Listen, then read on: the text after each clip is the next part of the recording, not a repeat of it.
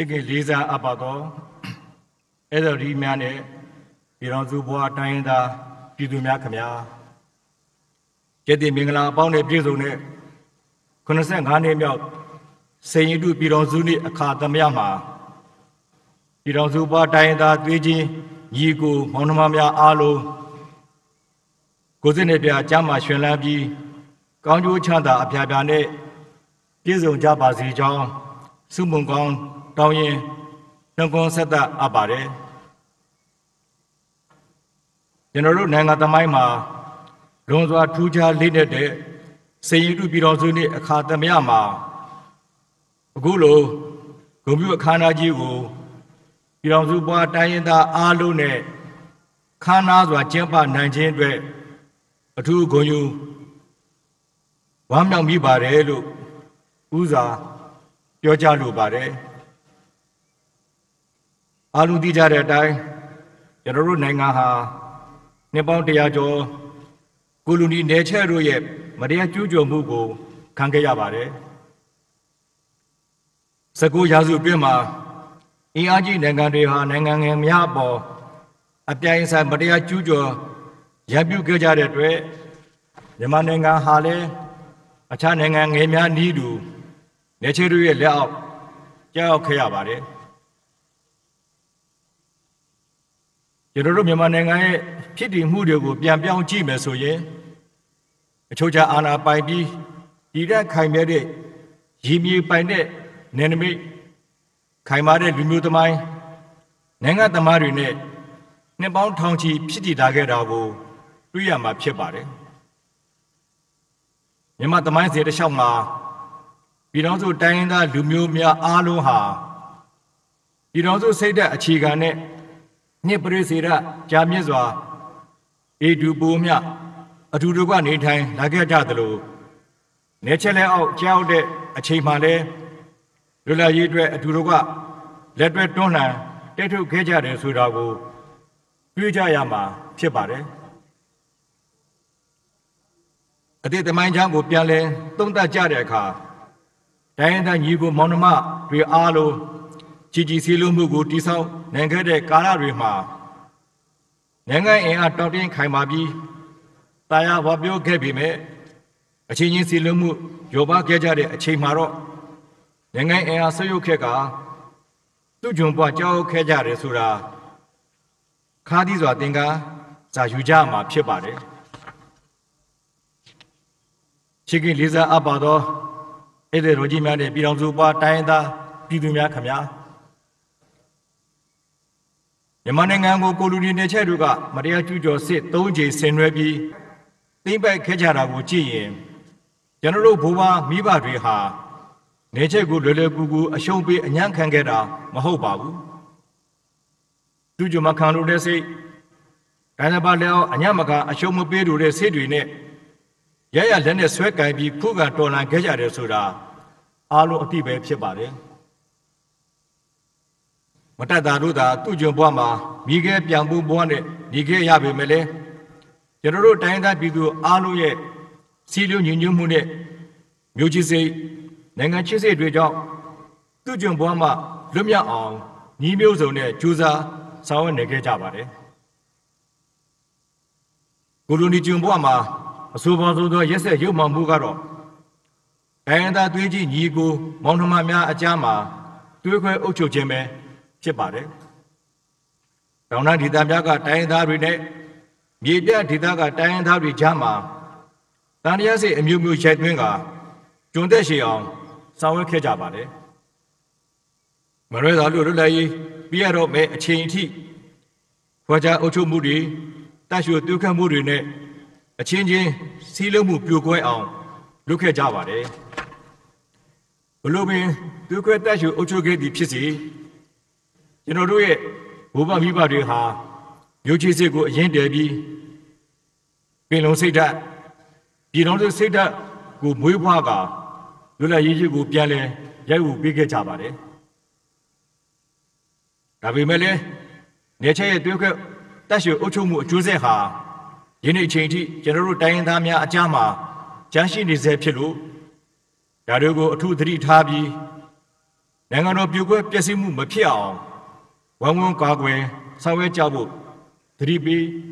မှာကြားလိုပါတယ်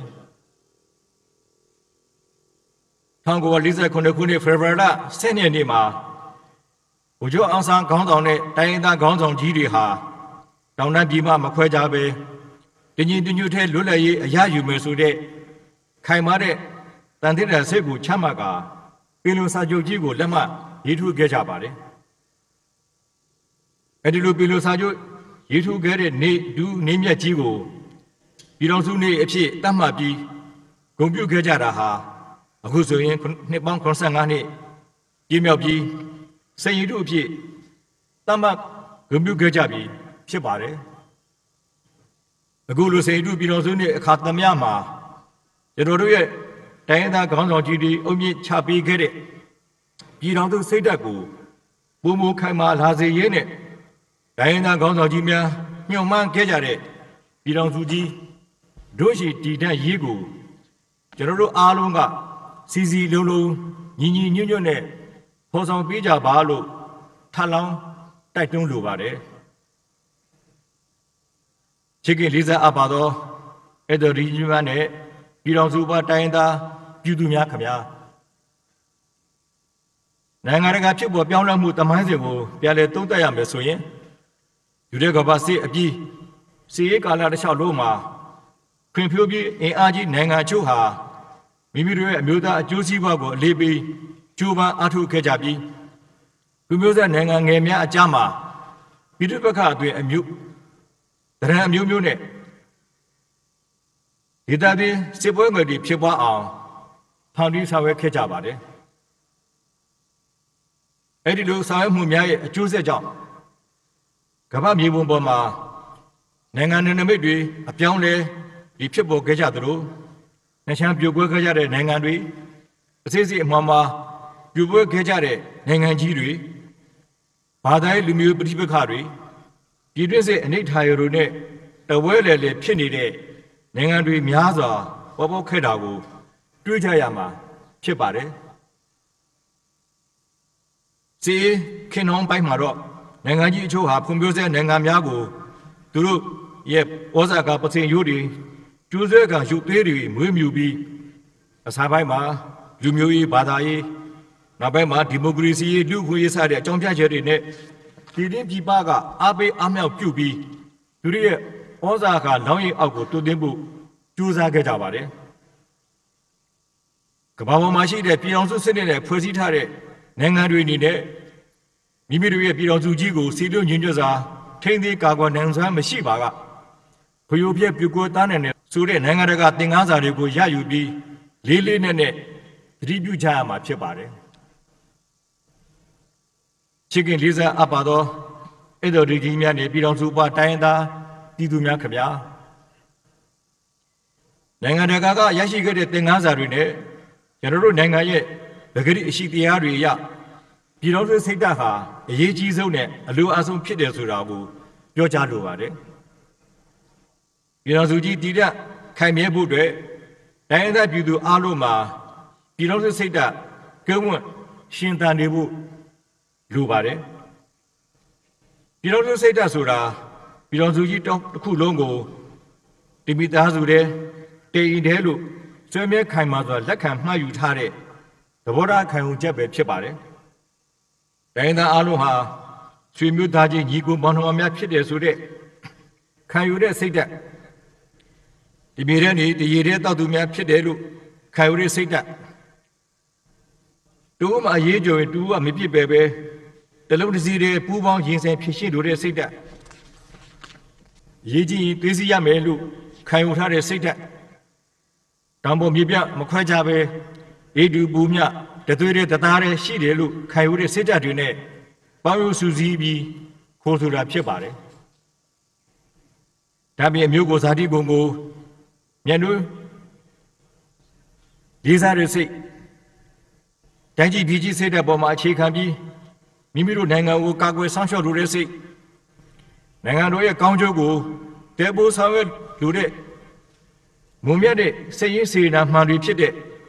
စင်မှန်တဲ့မြို့ကြီးစိတ်ဓာတ်များဟာပြည်တော်တို့စိတ်ဓာတ်လို့မှတ်ယူနိုင်မှာဖြစ်ပါတယ်ကျွန်တော်တို့နိုင်ငံမှာအဓိကတိုင်းရင်းသားလူမျိုးကြီး၈မျိုးလို့ဆိုတော်လဲပဲတိုင်းရင်းသားလူမျိုး30နှုများအနေနဲ့130ကျော်ရှိပါတယ်အချို့တိုင်းရင်းသားတွေကလူကြီးများပြားပြီးအချို့တိုင်းရင်းသားတွေကတော့လူကြီးနေပါပါတယ်ဒီနေ့အကြီးအသေးကွဲပြားခြားနာခြင်းလူကြီးနဲ့ လူမျိုးစုကွဲပြားခြားနာခြင်းများရှိပေမဲ့တိုင်းရင်းသားအလုံးရရှိတဲ့အခွင့်အရေးကတော့ဒန်းတူညီမျှရှိပြီးဘယ်သူကမှပူပေးထားတာမရှိပါဘူးဒီမိုကရေစီဆိုရမှာလူများစုရဲ့ဆန္ဒကိုဥပဒေနဲ့ကြီးလက်နက်ဆောင်ရမှာဖြစ်တယ်လို့လူနည်းစုရဲ့ဆန္ဒကိုလည်းလေးစားရမှာဖြစ်ပါတယ်ဒါဟာဒီမိုကရေစီကျင့်စဉ်ဖြစ်ပါတယ်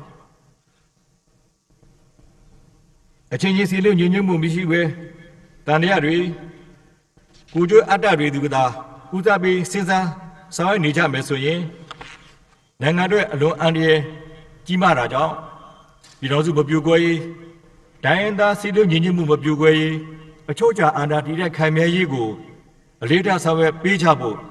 တိုက်တွန်းမှာကြားလိုပါတယ်ချင်းကလေးစားအပ်ပါတော့ဧည့်သည်တော်ကြီးများနဲ့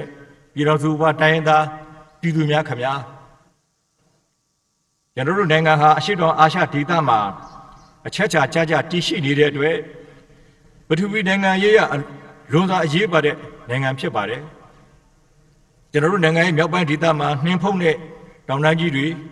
အလယ်ပိုင်းမှာထွန်ရက်စိုက်ပျိုးနိုင်တဲ့မြေပြလွင်ပြင်တွေနဲ့တောင်ပိုင်းမှာပင်လယ်ပြင်နဲ့ကျွန်းစုများရှိတဲ့အတွက်ရေမီ ရာသီဥတုလွန်စွာတာယာလှပသလိုစားနပ်ရိက္ခာနဲ့တဘာဝတွန်းတဲ့ပစ္စည်းများထွက်ရှိတဲ့အတွက်တဘာဝကဖန်တီးပေးထားတဲ့တန်ဖိုးမဖြတ်နိုင်တဲ့နိုင်ငံတော်ကြီးဖြစ်ပါတယ်။ယနေ့အချိန်မှာကမ္ဘာနိုင်ငံကြီးချို့ဟာနိုင်ငံငယ်များရဲ့ပြည်သူရေးကိစ္စတွေမှာအကြောင်းမျိုးမျိုးပြကဝင်ရောက်ဆွတ်ဖက်ပြီးတည်ငြိမ်မှုပြပြအောင်စီလေးညီညွတ်မှုပြိုကွဲအောင်ညီလမျိုးစုံအသုံးပြုပြီး ဆောင်ရွက်နေကြပါတယ်။အထူးသဖြင့်ကျွန်တော်တို့မြန်မာနိုင်ငံလိုပထဝီနိုင်ငံရေးရအရေးပါတဲ့နိုင်ငံကိုသူတို့လိုကြ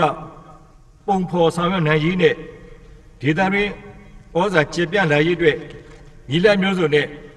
ဖိအားပြီးအကြက်ကိုင်ဒါတွေအပြစ်ရှာဝေဘာတိုက်ခိုက်တာတွေပိတ်ဆို့အရေးယူတာတွေဆောင်ရွက်နေတာကိုတွေ့မြင်ရမှာဖြစ်ပါတယ်။ တနည်းအားဖြင့်တိုင်းရင်းသားအချင်းချင်းတန်တဲ့အစီများဖြစ်ပေါ်ကနိုင်ငံပြိုကွဲအောင်တည်ငြိမ်မှုပြပြပြီးဖွံ့ဖြိုးမှုနှောင့်နှေးအောင်ဆောင်ရွက်နေတဲ့အတွက်ပြည်ရင်အားဒီပြည်တွင်းမှာသာရှိသည်ဆိုတဲ့ဆောင်ပုတ်တိုင်းပြည်တော်စုသားအားလုံးကတူကိုတူရိုင်းပင်ကူညီပြီးဒီမိုကရေစီနဲ့ဖက်ဒရယ်စနစ်ကိုအခြေခံတဲ့ပြည်တော်စုကြီးပေါ်ပေါက်လာအောင်ဆောင်ရွက်ပေးကြပါလို့တိုက်တွန်းပြောကြားလိုပါတယ် ကျွန်တော်တို့နိုင်ငံရဲ့လက်ရှိအခြေအနေပေါ်မှာအစွဲကင်းကင်းတန်တရားကင်းကင်းနဲ့အရှိကိုအရှိတိုင်းရှုမြင်သုံးသပ်ကြဖို့လိုအပ်ပါတယ်2020ပြည်နှစ်နိုဝင်ဘာလရွေးကောက်ပွဲမှာမင်းပထမမှုများပြုလုပ်ပြီးနိုင်ငံတော်အာဏာကိုရယူဖို့ကြိုးစားခဲ့လို့ဒီလိုလုပ်တာကို ထောက်ပြပြီးဆောင်ရွက်သေးတာဆောင်ရွက်ဖို့အကြံပြုတိုက်တွန်းခဲ့တာကိုလစ်လူရှုခဲ့တဲ့အတွက်ရေဘော်ကာလသတ်မှတ်ပြီးတပ်မတော်ကနိုင်ငံတော်တာဝန်ကိုထိန်းသိမ်းဆောင်ရွက် နေကြတာအားလုံးပဲအတိပဲဖြစ်ပါတယ်ဒီမိုကရေစီစနစ်မှာတရားမျှတတဲ့အထူးရွေးကောက်ပွဲဖြစ်ဖို့ဟာအရေးကြီးဆုံးဖြစ်ပါတယ်မမှန်ကန်ကန်မျှတပြီးတမတမရှိတဲ့ရွေးကောက်ပွဲသာဖြစ်ခဲ့ရင်အခုလိုဖြစ်ဖို့အကြောင်းမရှိပါဘူးမယူမသားနဲ့အရမအာနာရယူဖို့ဆောင်ရွက်ခဲ့ကြတဲ့အကြောင်းတရားတွေရဲ့အကျိုးဆက်ဟာဒီနေ့ကြုံတွေ့နေရတဲ့အခြေအနေတွေပဲဖြစ်ပါတယ် ဒီမိုကရေစီစနစ်မှာအယူဆမတူတာသဘောထားကိုးရဲတာကိုလက်ခံရမှာဖြစ်ပါတယ်ဒါပေမဲ့လူသက်မီးရှုမိုင်းထောင်ဖောက်ခွဲဆတဲ့တိုင်းရင်းသားပြည်သူတွေကိုဆင်းရဲဒုက္ခဖြစ်စေတဲ့စူပူအကြမ်းဖက်မှုမျိုးတွေကိုတော့လက်ခံနိုင်စရာမရှိပါဘူးနိုင်ငံတော်ကိုပြည်တွင်းပြည်ပအန္တရာယ်များကကာကွယ်ဖို့နိုင်ငံတော်ရဲ့နိုင်ငံသားများအတွက်ဘေးအန္တရာယ်များကြောက်လာပါက တမတော်ကကူညီဆောင်ရွက်ပေးဖို့နိုင်ငံတော်ဖွဲ့စည်းပုံအခြေခံဥပဒေကပေးအပ်ထားတဲ့တာဝန်ကိုတမတော်ကဆောင်ရွက်နေရခြင်းဖြစ်ပါတယ်။ဒါကြောင့်ရွေးကောက်ပွဲမတမာမှုကစခဲ့တဲ့တရားလက်လို့ဥပဒေမဲ့လှုပ်ဆောင်နေကြတဲ့အကြမ်းဖက်အဖွဲ့အစည်းတွေနဲ့သူတို့ကိုထောက်ပံ့ကူညီသူတွေအားပေးထောက်ခံသူများအနေနဲ့နိုင်ငံနဲ့ပြည်သူအကျိုးအတွက်အမှန်တရားကိုသိမြင်ပြီး မှားနေတာတွေကိုပြင်ဖို့အချိန်ရောက်နေပြီဆိုတာသတိပေးလိုပါတယ်အချို့သောတိုင်းဒေသလက်နက်ကအဖွဲ့အစည်းအချို့အနေနဲ့လည်းဒီစုဘူးအကြမ်းဖက်မှုတွေကိုလက်ခံအားပေးကူညီပူးပေါင်းလှုပ်ဆောင်နေကြတာကိုရပ်တန့်ပြီးနိုင်ငံတော်တည်ငြိမ်အေးချမ်းရေးနဲ့ဖွံ့ဖြိုးတိုးတက်မှုအတွက်နိုင်ငံတော်ကဖိတ်ခေါ်နေတဲ့ NCA လမ်းကြောင်းပေါ်ကိုလှမ်းခဲ့ကြပါလို့ဖိတ်ခေါ်ပါတယ် ကျွန်တော်တို့အနေနဲ့ကတော့ဒါဝင်ယူထားတဲ့ကာလအတွင်းမှာမြည်မျှပဲအခက်အခဲအဟန့်တားမီရှိနေပါသေးရည်မှတ်ချက်တာဝန်တွေကိုအောင်မြင်အောင်ဆောင်ရွက်သွားမှာပဲဖြစ်ပါတယ်နိုင်ငံတော်စီမံအုပ်ချုပ်ရေးကောင်စီအနေနဲ့နိုင်ငံတော်ရဲ့တာဝန်ထမ်းဆောင်နေစဉ်ကာလအတွင်းမှာနိုင်ငံတော်တည်ငြိမ်အေးချမ်းရေးတိုင်းရင်းသားပြည်သူအားလုံးစီလူညီညွတ်ရေးလူမှုစီးပွားဘဝဖွံ့ဖြိုးတိုးတက်ရေး ဒီမိုကရေစီနဲ့ဖက်ဒရယ်စစ်ကိုအခြေခံသည့်ပြည်တော်စုတည်ဆောက်ရေးအတွက်လေးထားကြိုးပမ်းဆောင်ရွက်လက်ရှိပါတယ်မိမိတို့မြန်မာနဲ့ပြည်တော်စုကြီးတည်ဆောက်တဲ့နေရာမှာဒီမိုကရေစီနဲ့ပတ်သက်ပြီး၎င်းဖက်ဒရယ်နဲ့ပတ်သက်ပြီး၎င်းမိတို့ရဲ့အယူအဆမျိုးမျိုးကွဲပြားနေပါစေမိမိတို့နိုင်ငံနဲ့တားဆာတာဖြစ်တဲ့စနစ်မျိုးကိုရွေးချယ်ဆောင်ရွက်သွားရန်လိုအပ်ကြောင်းသတိပြုရမှာဖြစ်ပါတယ်။ ဒါကြောင့်ဒီနေ့95နှစ်မြောက်စေတီပြည်တော်စုနေ့မှာပြည်တော်စုစိတ်ဓာတ်ခိုင်မာထက်သန်စေရအတွက်ကျွန်တော်တို့အစိုးရကကိုစားညံစားရှိသည့်ခန်းခန်းနာနာဆောင်ရွက်နေတာလည်းဖြစ်ပါတယ်။အေဒီပူမြတ်နေထိုင်ကြတဲ့ပြည်တော်စုရဲ့အရေးအာဝါဒနဲ့လုံခြုံမှုဟာဘလောက်ဆောင်အားကြီးမားတယ်ဆိုတာကိုပုံဖော်နေတာပဲဖြစ်ပါတယ်။နိုင်ငံရေးလုပ်နေတာမဟုတ်ပဲနိုင်ငံအရေးဖြစ်တဲ့ တိုင်းပြည်တည်ဆောက်ရေး nation building ကိုပုံဖော်နေတာဖြစ်ပါတယ်။ငါတို့အားလုံးဒီမြန်မာဆိုတဲ့ပုံရိပ်ကိုဆွဲထင်ကြံရစ်အောင်ဆောင်ရွက်နေတာလည်းဖြစ်ပါတယ်။ဒီကမှတဆင့်ကျွန်တော်တို့တိုင်းဒေသပြည်သူလူထုတရားလုံးလူလားတောင်းတနေတဲ့ခင်မိဖွံ့ဖြိုးတိုးတက်တဲ့ဒီမိုကရေစီနိုင်ငံတော်ကိုစူးစီးညီညွတ်မှုဆွမ်းမကားနဲ့တည်ဆောက်နေတာဖြစ်ပါတယ်။ချစ်ခင်လေးစားအပ်ပါသော ဧတော်လူကြီးများနဲ့ပြည်တော်စုပါတိုင်းသားပြည်သူများခင်ဗျာ2023ခုနှစ်ဇန်နဝါရီလ၄ရက်နေ့ဆိုရင်ကျွန်တော်တို့နိုင်ငံလူ့လွယ်ရရှိခဲ့တာ95နှစ်ပြည့်ပြီဖြစ်ပါတယ်။နေချက်တွေရဲ့တေးခွဲအုပ်ချုပ်မှုစနစ်ကြောင့်လွတ်လပ်ရေးနဲ့တူဖြစ်ပွားခဲ့တဲ့ပြည်တွင်းလက်နက်ကန်ပြည်ပခါတွေဟာနိုင်ငံဖွံ့ဖြိုးတိုးတက်ရေးနဲ့စီးပွားညွညွတ်မှုကိုများစွာထိခိုက်ခဲ့ပါတယ်။ ကျွန်တော်တို့ရဲ့အရင်းမြစ်တွေခွန်အားတွေစွမ်းအားတွေဒီပြည်တက္ကအပေါ်မှာဆုံးရှုံးခဲ့ပါတယ်။ဒီလိုဆုံးရှုံးမှုတွေထပ်မဖြစ်ဖို့ကျွန်တော်တို့အားလုံးမှာတာဝန်ရှိပါတယ်။ပြည်တွင်းလက်နက်ကန်ပြည်ပခါများချုပ်ငြိမ်းရေးရေရှည်တည်တဲ့ခိုင်မဲတဲ့ထာဝရငြိမ်းချမ်းရေးတည်ဆောက်နိုင်ရေးတို့အတွက်ဆောင်ရွက်ကြရပါမယ်။ဒါတွေကိုဆောင်ရွက်ဖို့အစိုးရနဲ့တံ့ပတော်အနေနဲ့မြန်မာငြိမ်းချမ်းရေးဖြစ်စဉ်တပိုင်းမှာတစ်ခါမှမ ရှိခဲ့ဘူးတဲ့လက်လျောကမ်းလှမ်းချက်နှစ်ခုကိုကျွန်တော်တို့ဆောင်ရွက်ခဲ့ပါတယ်။တစ်ကတော့တပတ်သက်ပြစ်ခတ်တက်ခတ်မှုရစဲပေးခြင်းနဲ့နှစ်ကတော့ထာဝရငြိမ်းချမ်းရေးကိုဥတီပြီးကြိုတင်ကန့်သက်ချက်မထားတဲ့ငြိမ်းချမ်းရေးဆွေးနွေးပွဲပြုလုပ်နိုင်ရေးကိုဖြေချခြင်းပဲဖြစ်ပါတယ်။တမတော်အနေနဲ့2018ခုနှစ်ဒီဇင်ဘာလ21ရက်နေ့ကစပြီး အခု2022ခုနှစ်နှစ်ကုန်ပိုင်းအထိလေးနှစ်ကျော်ကာလတစ်ဖက်သက်တစ်ခတ်တိုက်ခတ်မှုရပ်စဲထားပါတယ်။ယခုနှစ်ဖေဖော်ဝါရီလ6ရက်နေ့မှာလဲနိုင်ငံတော်စီမံအုပ်ချုပ်ရေးကောင်စီအနေနဲ့သာဝရငြိမ်းချမ်းရေးအတွက်ဖိတ်ခေါ်ခြင်းနဲ့စေရတုပြည်တော်စုနှင့်အခမ်းအနားသို့ဖိတ်ကြားခြင်းကြီးကြပ်ချက်ကိုထုတ်ပြန်ခဲ့ပါတယ်။ငြိမ်းချမ်းရေးကိုလိုချင်ရင်တမတော်ကပြစ်ခတ်တိုက်ခိုက်မှုကိုတစ်ဖက်သက်ရစဲပေးတဲ့ဆိုတဲ့အဆိုပြုချက်တွေ အစိုးရနဲ့တမတော်အနေနဲ့တိုင်းဒေသနိုင်ငံတွေနဲ့ဆွေးနွေးရမှာ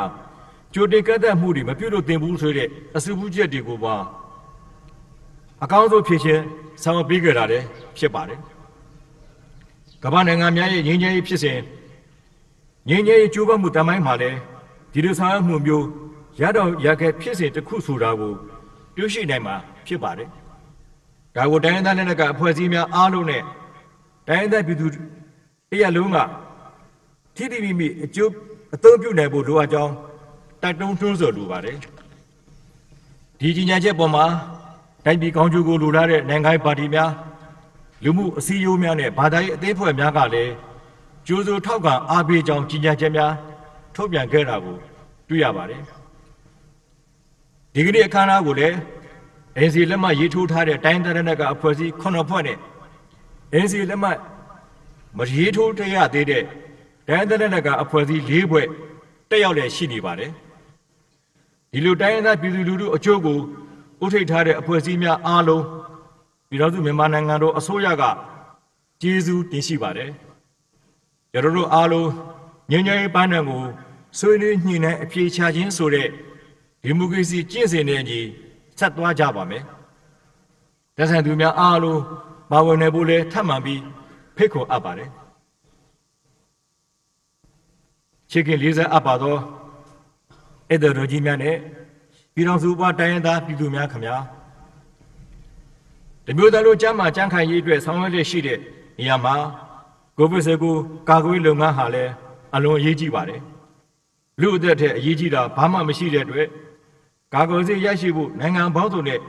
ချစ်ဆက်ဆောင်ရွက်ခဲ့ပြီးကာကွယ်ဆေးထုတ်နှံမှုလုပ်ငန်းများကိုလည်း ရည်မှန်းဆောင်ရွက်ခဲ့တဲ့အတိုင်း2021ခုနှစ်ဒီဇင်ဘာလကိုပါနိုင်ငံလူဦးရေရဲ့90ရာခိုင်နှုန်းကျော်ထိထိုးနှံပြီးခဲ့ပါတယ်။ကိုဗစ်19ရောဂါကာကွယ်ထုတ်ချွေဆောင်ရွက်ရမှာ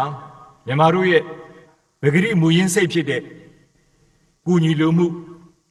လူဒန်းလိုမှုပူပေါင်းဆောင်ရွက်လိုမှုစိတ်ဓာတ်များနဲ့တခက်တဲ့ဆောင်ရွက်ပေးမှုများဟာများစွာထိရောက်အကျိုးပြုခဲ့ပါတယ် အလားတူအဘိကူညီနေကြတဲ့မိတ်ဆွေနိုင်ငံများနဲ့တာဝန်ရှိသူများဂျမိုင်းဝန်ထမ်းများရဲ့ကြိုးပမ်းဆောင်ရွက်မှုပြည်သူအားလုံးပူးပေါင်းဆောင်ရွက်မှုတွေကြောင့်လက်ရှိချိန်မှာကူးစက်မှုကိုထိချုပ်နိုင်တဲ့အနေအထားဖြစ်လာပါတယ်တို့တွေပူးပေါင်းပါဝင်ဆောင်ရွက်ကြသူအားလုံးကိုအထူးကျေးဇူးတင်ရှိကြောင်းပြောကြားလိုပါတယ်ဒါပေမဲ့ကျွန်တော်တို့နိုင်ငံရဲ့မြုံမသက်တမ်းတို့မြင့်လာစေဖို့အတွက် ပြည်သူများအာဟာရပြည့်ဝစွာစားတော့စားတော့ဖို့နဲ့ဂျမ်းမိုင်းနဲ့ညဉ့်ညွတ်မြတ်တဲ့နေထိုင်သွားလာလှုပ်ရှားမှုများရှိဖို့လဲလိုအပ်မှာဖြစ်ပါတယ်တမျိုးသားလူပညာရေးမြန်မာရေးနဲ့စတင်ပြီးကျွန်တော်တို့နိုင်ငံမှာကြောင်းနေသူရာဂိုင်နှုံးနဲ့စာတတ်မြတ်မှုရာဂိုင်တို့မြန်မာလာစေရည်စည်းတို့တဲ့ပညာရေးကိုအလေးထားအားပေးဖို့လိုအပ်မှာဖြစ်ပါတယ်အသိပညာတက်ပညာပြည့်ဝတဲ့ပညာတတ်များ ပေါ်များလာအောင်လေ့ကျင့်ပြုထောင်ပေးလျက်မိမိတို့ပြည်သူပြည်သားတွေရဲ့ဆွမ်းမကနဲ့နိုင်ငံတော်ဖွံ့ဖြိုးတိုးတက်အောင်ဆောင်ရွက်နိုင်မှာဖြစ်ပါတယ်မျိုးဆက်သစ်လူငယ်လူရွယ်တွေကိုကောင်းမွန်တဲ့စာပေပညာအမှုနှင့်များပြည့်ရခြင်းနဲ့လူတို့ချင်းစီနေတဲ့မိမိရဲ့ဘဝရည်မှန်းချက်အတိုင်းအကောင့်ထဲဖော်နိုင်မှာဖြစ်တယ်လို့တိုင်းပြည်ဖွံ့ဖြိုးတိုးတက်ရေးတွေလည်းအထောက်အကူပြုနိုင်မှာဖြစ်ပါတယ်။ ယနေ့လူငယ်များဟာအနာဂတ်မှာနိုင်ငံတာဝန်ကိုယူကြမဲ့သူများဖြစ်တဲ့အတွက်လူငယ်တွေရဲ့အတွေးခေါ်အယူအဆအလုတ်အကင်မှန်ကန်ရေးဟာအလွန်ကြီးအရေးကြီးပါတယ်။လူငယ်တွေကိုဗလာငါးတန်နဲ့ပြည့်စုံပြီးအာကိုအားထားပြုနိုင်တဲ့လူကောင်းလူတော်များဖြစ်အောင်ဝမ်းဝန်းထိန်ထိန်ပြုပြင်သွားကြရမှာဖြစ်ပါတယ်။နိုင်ငံရဲ့ပညာရေးအဆင့်အတန်းမြင့်မားဖို့အတွက်အားပေးဆောင်ရွက်ကြဖို့လိုအပ်မှာ ဖြစ်ပြီးအမှန်တကယ်တက်မြတ်အောင်လဲလေ့ကျင့်သင်ကြားပေးဖို့လိုအပ်မှာဖြစ်ပါတယ်ယခုကနိုင်ငံတော်ရဲ့လူဆောင်အရင်းမြစ်ဖွံ့ဖြိုးတိုးတက်ရေးအတွက်အခြေခံပညာကျောင်းများတာမှာကတက္ကသိုလ်ဒီဂရီကောလိပ်နဲ့ကောလိပ်တွေကိုလည်းဂိုဘီစီမီစီကံများနဲ့ညီဖွင့်တဲ့ပေးလျက်ရှိပါတယ်ဒေသလိုအပ်ချက်တွေကိုဖြည့်ဆည်းပေးနိုင်တဲ့အသုံးချဘာသာရပ်များကိုသင်ကြားပေးနိုင်ရေး စီကံပြည့်ဝတဲ့အနာဂတ်ဒီမိုကရေစီနိုင်ငံတော်တည်ဆောက်ရေးအတွက်အရေးကြီးတဲ့ဥပဒေပညာဘာသာရပ်နဲ့စီဝါရေးပညာဘာသာရပ်တွေကိုလည်းတက္ကသိုလ်တွေမှာတိုးချဲ့သင်ကြားပေးနိုင်ရေးအနာဂတ်ဆန္ဒရိတ်ခါဖူလုံရေးအတွက်ထိုင်ပြုမှုမီပညာတွေကိုအစင်းမြင့်တင်တင် जा နိုင်ရင်တို့အတွက်လည်းစီစဉ်ဆောင်ရွက်လည်းရှိပါတယ်ဂုပ္ပစကုကာယောကကာလတွင်တိုင်းဒေသပြည်သူများရဲ့လူမှုစီးပွားဘဝများထိခိုက်နှိမ့်နှံမှုရောပါစေရေး ကာယောကလောကာလတွေမှာလည်းတိုင်းဒေသပြည်သူများရဲ့လူမှုစီးပွားဘဝများအနှင်းများပြန်လည်ဖွံ့ဖြိုးတိုးတက်လာစေရေးတို့အတွက်ကူစားဆောင်ရွက်လျက်ရှိပါတယ်အလားတူစိုက်ပျိုးရေးမွေးမြူရေးကိုအခြေခံတဲ့ကုန်ထုတ်လုပ်မှုလုပ်ငန်းတွေကိုခေတ်မီနည်းစနစ်တွေနဲ့ပုံမဖွံ့ဖြိုးတိုးတက်အောင်ဆောင်ရွက်ပြီးအခြားစီးပွားရေးကဏ္ဍတွေကိုလည်းဘယ်စုံဖွံ့ဖြိုးတိုးတက်အောင်ဆက်လက်ဆောင်ရွက်ကြမှာဖြစ်ပါတယ် နိုင်ငံတကာယင်းနှိမှုများမှုတွေကိုလည်းဖွဲ့ခေါ်ခြင်းပြည်တွင်းစီးပွားလုပ်ငန်းများကိုအားပေးကူညီပြီးအလုပ်ကိုင်ခွင့်လန်းများဖော်ဆောင်ခြင်းတို့ကိုလည်းဆက်လက်ပြီးဝိုင်းဝန်းဆောင်ရွက်သွားမှာဖြစ်ကြောင်းပြောကြားလိုပါတယ်ချစ်ခင်လေးစားအပ်ပါသောဧည့်သည်တော်ကြီးများနဲ့ပြည်တော်စုပါတိုင်းရင်းသားပြည်သူများခင်ဗျာတိုက်ပြည်ရဲ့အားဟာပြည်တွင်းမှာပဲရှိပါတယ်ပြည်တွင်းအားကိုပဲကျွန်တော်တို့ယုံကြည်အားကိုးပါတယ် နိုင်ငံရဲ့ဗကိအခြေအနေအရဒီပအကူအညီများလိုအပ်တယ်မှန်ပေမဲ့လည်းပြည်တွင်းအားနဲ့ပဲလှုပ်ဆောင်နေတာများရှိပါတယ်ပြည်တော်စုရဲ့အင်အားကိုတိဆောက်နိုင်ဖို့ကျွန်တော်တို့တိုင်းပြည်မှာတဘာဝအရေးမြစ်များလူသားအရေးမြစ်များများစွာရှိပါတယ်ဒီဒီကုန်ထုတ်လုပ်မှုကိုအားမပေးပဲဒီပတ်သွင်းကုန်များသာအားထားခဲ့လို့ဒီသူဒီသားများရဲ့လူမှုစီးပွားတိုးတက်မှုအားနည်းခဲ့ခြင်းသာဖြစ်ပါတယ်ဒါကြောင့်နံပါတ်1အနေနဲ့ ပြည်တွင်းအားနဲ့ပြည်တွင်းစီးပွားရေးကိုတိုးတက်မြင့်တင်သွားပါမယ်တိုင်းပြည်အင်အားသည်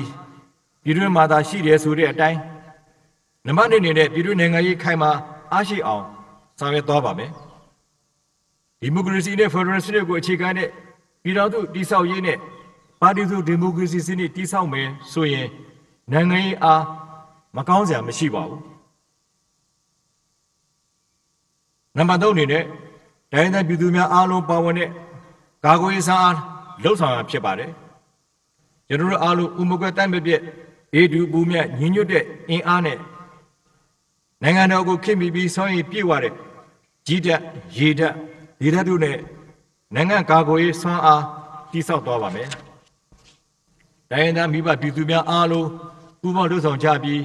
မြမဂုံကိုမြင့်တင်ဖို့တိုက်တွန်းပြောကြားလိုပါတယ်။ ချစ်ခင်လေးစားအပ်ပါသောဧည့်သည်တော်ကြီးများနဲ့ပြည်တော်စုပွားတိုင်းဒေသပြည်သူများခင်ဗျာ။ညီကုချုပ်အဖြစ်မိမိတို့ပြည်တော်စုနိုင်ငံတော်ကြီးသာဝရတည်တဲ့ခိုင်မြဲပြီးကမ္ဘာလယ်မှာထေထေဘွားဘွားရက်တီရေးအတွက်တိုင်းဒေသပြည်သူအားလုံးကယနေ့ကြောက်တဲ့85နှစ်မြောက်စိန်တူပြည်တော်စုနှင့်အမျိုးသားရေးဦးတည်ချက်များဖြစ်တဲ့ပြည်တော်စုမပြိုကွဲရေးတိုင်းဒေသစီလုံးညီညွတ်ရေး အချို့ကြအာဏာတည်တဲ့ခိုင်မြဲရေးတို့ကို